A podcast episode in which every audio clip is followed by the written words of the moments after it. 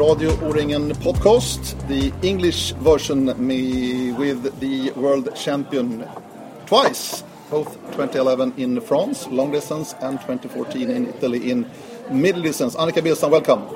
Thank you very much. And first of all, congratulations because uh, you have been awarded here in Uppland, this county north of Stockholm, as the best athlete of 2014. Yeah. Congratulations. Yes. That's correct. Thank Yeah. you very much. How does it feel? Because uh, you were competing with uh, athletes from other sports. yeah, that's correct. Um, well, it's uh, it's a really nice feeling, and um, it shows also that orienteering is a quite important sport here in uh, this area around uh, Uppsala. And I feel proud as an orienteer, and uh, and uh, of course it has not been a, goal, but it's like some kind of um, uh, nice attention in the end of the season, and uh, uh, it was a, a nice and uh, yeah. Yeah. do, do, do the citizens here in Uppsala recognize you on the street? Uh, some years ago they didn't, but nowadays sometimes they do. Like uh, uh, like yesterday when I was shopping some food, the the woman in who I paid to uh, said, "Congratulations to your prize." so sometimes it's really nice. Oh, it feels good. Yeah. Must be uh, nice to see. Uh, it was a great year for you. yeah, that's correct. The, uh, the goal in Italy in the middle distance, your second goal, the first one was in uh, France, 2011. Yes. Uh, you are not young anymore, Annika. Well, that depends. Yeah, that depends, of course. But uh, you're sort of late bloomer because the first world champs was in Ukraine, 2007. Yeah, that's for you. correct. And you have passed 30 years at that time. Yeah. How come? Uh, well, I think actually I was more like a late starter or late to uh, really put my effort to uh, uh, become a world orienteer or at this top level. Um, actually, I was uh, doing quite a lot of orienteering uh, till I was around 16 years old. But then I uh, recognized other things in life, and uh, for some years I didn't do any orienteering at all. And uh, by a coincidence, I I uh, got back to orienteering. I I heard about a small competition, and I uh, I went there, and uh, it was so nice to get back to the sport and uh, the feelings you have when you do orienteering. So you, you got the hunger there once again for orienteering. Yeah, I, I, this is a very strong memory. Just uh, this day in this competition. And now you're sitting here today with the two gold medals. Tell us a bit about the first one in, in France in the long distance day. Yeah, it, it was an incredible day, and uh, uh, it, I remember so much, and I have strong feelings feelings when I think about that day. It was a very hot day, and uh, it was a challenging course, and uh, but I made a very very nice start of the race, and uh, I immediately got the flow, and uh, uh, it was. Uh, I remember like every control, every step of of this race, and uh, it was nearly a clear race, and. Uh, it was incredible feeling to reach uh, the finish and uh, be announced as uh, world champion. Yeah. And it was in a very demanding and challenging terrain. Yeah. Extremely hard yeah, it and was. difficult. Yeah, it was uh, extremely hard, and now when I uh, look back on the map, and I, it's it's really nice to see what you can do under hard physical pressure and still uh, do technically a good race. And let's talk about one more race in France, the relay and the last leg. it, it is one of the most exciting legs I've ever been seen. Yeah, for me, and uh, one of the most exciting I've been running. I Yeah, I think. can understand it. Because it was, if I remember right, it was seven different teams that punched first at some of the controls Yeah. during the leg. yeah, yeah. And the last leg for women with seven different teams challenging for the goal. yeah. How, how was it? You were one uh, of them. Well, it's it was a crazy, really, I would say, because uh, uh, I had a really good start and I could feel I, I, I might be in the lead, but uh, then uh, I start to make mistakes, and uh, the other girls made mistakes, and uh, we got together now and then, and it was a, a, lot of stress in the forest, really a lot of stress, and in the finish, I, it felt like everyone was running without breathing, and uh, it was a very sp special situation. And um, well, I think really no one of us really handled the the challenge. No. And you ended up with a bronze medal for the Swedish girls. Yeah. Mm. Behind Finland and Czech Republic. Yeah, it was. Uh, we were very close, but I mean, it was not in the finish uh, where we lost it. Uh, I lost it earlier on that leg. So, yeah. yeah. yeah. It was very exciting to watch. Yeah. Very exciting it's, uh, I think it's nice to uh, hear people afterwards talk about because this is like uh, for that you with your orienteering can give experience or feelings to other people. Mm. Like uh, it's really nice that you yeah. give something to the public. Absolutely. Mm. Uh, at that time, I must say, orienteering show that can be a great TV sport. Yeah. Can't be better. Can't be better. No. it was very exciting uh, in many, many mm. ways.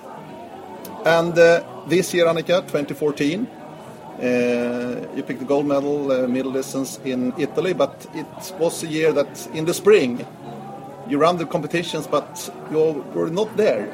No, that's correct.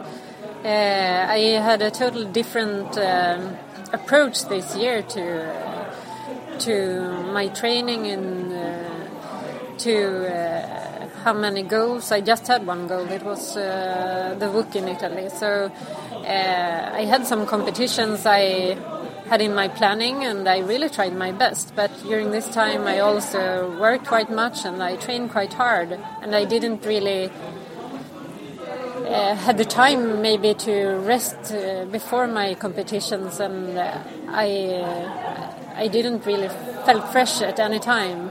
Um, so fresh, which I felt uh, just uh, the weeks before Italy. Mm. So, but I I knew this, and I've never been worried during this time, and and the, the preparations, like the two last months before the WOC, I I was uh, spending a lot of time in Italy and I could relax and I could recover and I got this extra boost uh, of recovery and uh, the, the specific training I needed. So it and I'm, it was great to see that this plan worked and uh, yeah.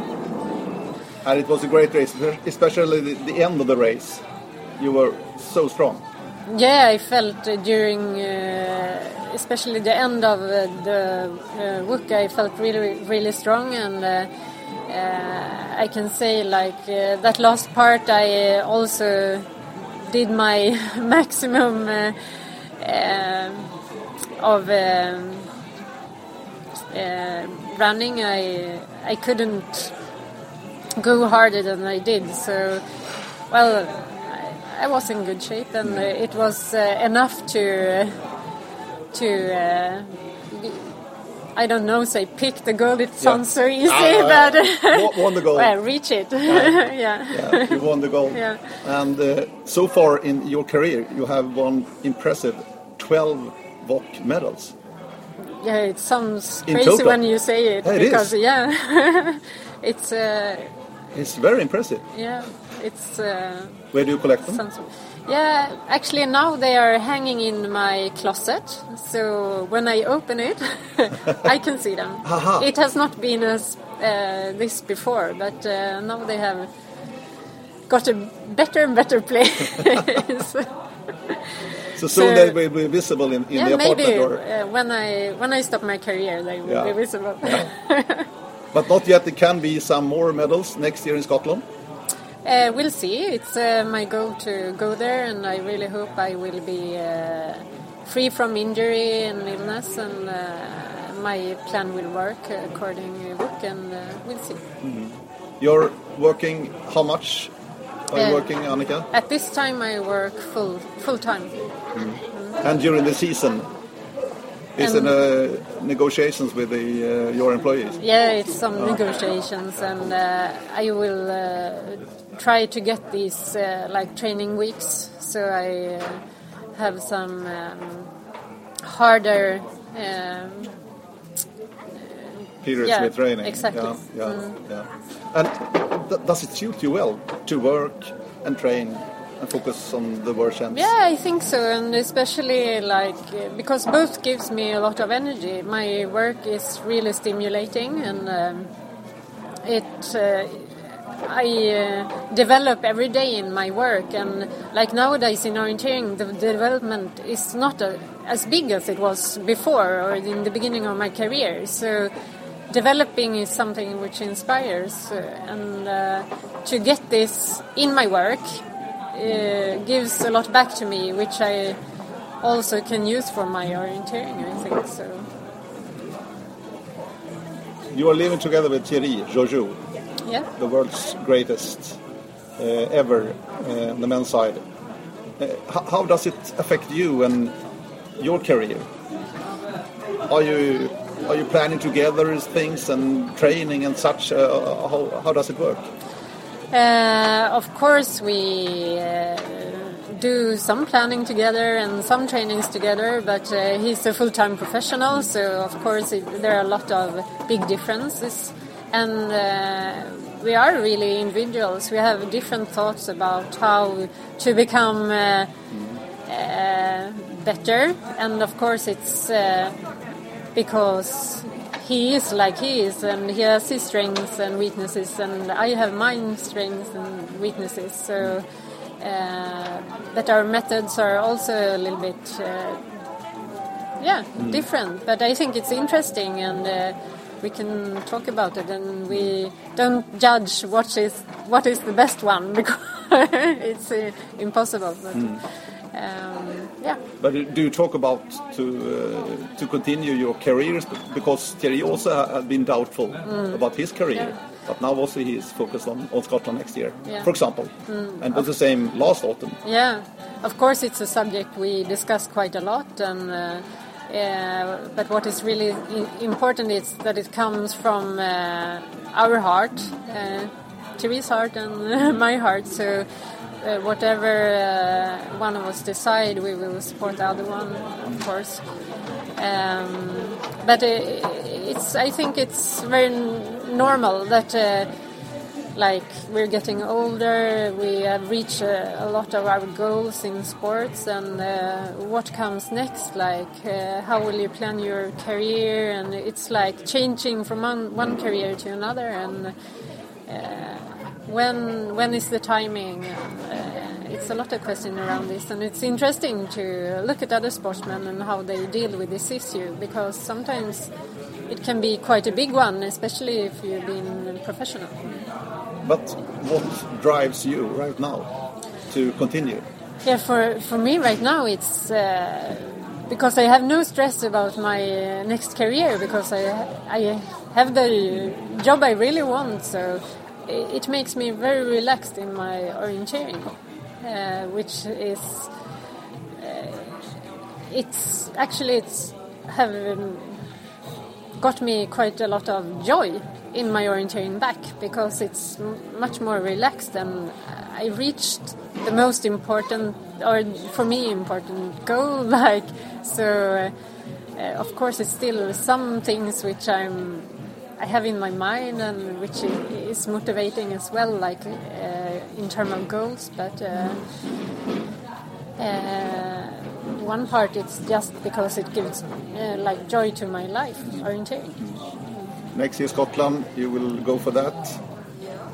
yeah The year after that is World Champs in Sweden, Annika. yeah that's correct but it's so far away Okay. and i'm i'm really when i make a promise or say something i really would like to stand up for it and I would lie if I say yes or no to Sweden, so uh, it's just too far away. Uh, and finally, the last question. You and Thierry, are you speaking French, Swedish, or English at home? Actually, English. English? Yeah, that's it's a shame. but um, yeah, we're working on it. Yeah, it should be, I think. But You took some uh, lessons, I know. Yeah, and uh, of course it was a very good start, but uh, i i you really need to do your homework Yeah, yeah, to get fluent in another language, and uh, But you have to speak Swedish with them. yeah, of course that but it goes so slow. Thank you for visiting uh, Radio Ring podcast, Annika Billstam. Thank you very much. And thank you all listeners. Uh, please give me a mail, radio at oringen.se with any questions or wishes. Uh, we say thank you and goodbye.